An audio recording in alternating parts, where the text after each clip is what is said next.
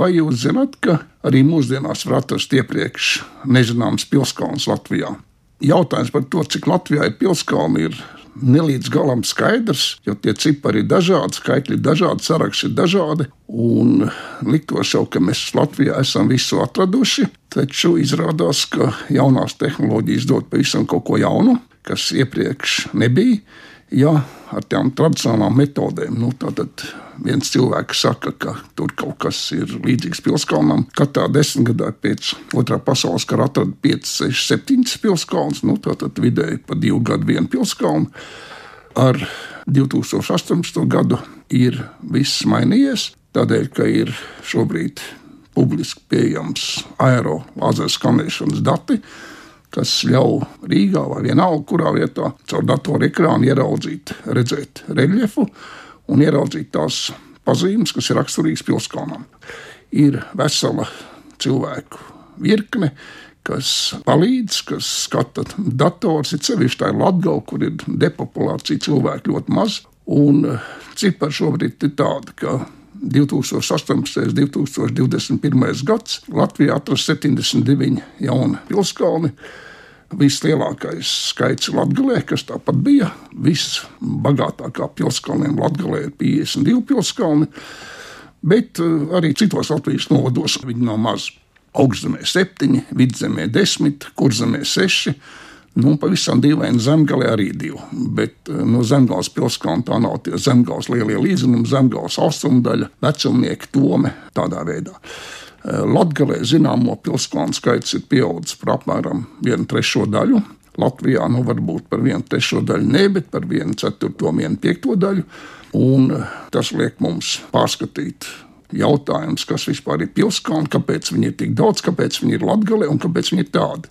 Šobrīd varētu teikt, ka jaunatklājumi ir attiecībā uz pilskalniem, ja nu nebeigušies, tad, kā viens no palīgiem teica, krējums ir nosmelts. Nu, vai nu nosmelts, nezinu, vēl ir vairākas vietas, kas ir jāpārbauda un kur noteikti būs. Nu, nepateicis, ka lai tiešām šo pilskalnu padarītu par zināmu un saprotamu, tāpat tas turienī jāizbrauc un speciālistam viņš ir jāredz, jāpārbauda.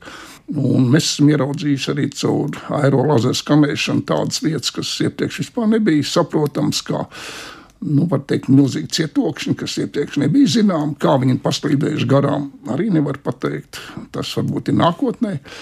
Droši vien, ka tuvojās laiks, ka mēs redzēsim no gaisa arī to, kas notiek zem zemes. Un, nu, jau šobrīd mēs redzam, kas, kā arheologi redzam, kas ir zem zemes, bet uh, iespējams, ka nākotnē būs uh, nopostīta to latgalē no to pilskalnu ieraudzīšana zem zemes. Mm, droši vien, ka tas būs. Es nezinu, cik ātri, bet uh, ne ļoti ilgi. Tad varētu būt vēl viens jaunatklāšanas sprādziens, bet tas, kas ir šobrīd noticis pēdējos trijos, četros gados, tas ir Latvijas pilskalnu jaunatklāšanas sprādziens. Nu, ar to mums neteiksim teiksim, ka ir jāsadzīvo, bet ir jāpārskata lietas. Jautājums par to, cik Latvijā vispār ir pilskalni, ir sarežģīts, jo nu, ir dažādi cipari, jo ir jāsaprot, ko uzstīt par pilskalnu, ko nē. Teiksim tā, zināms, ir vairāk par 400 pilskalniem Latvijā šobrīd.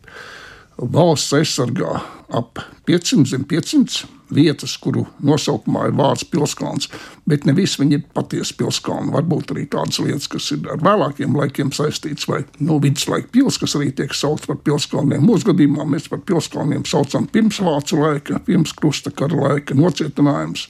Viņi Latvijā parādījās pirmajā gadsimtā pirms mūsu ēras beidza pastāvēt kā vietējā tradīcija 13. un 14. gadsimtā, varbūt pat 15. gadsimta sākumā, jo arī krustneši izmantoja koku pilsētas, ne tikai mūru pilsētas.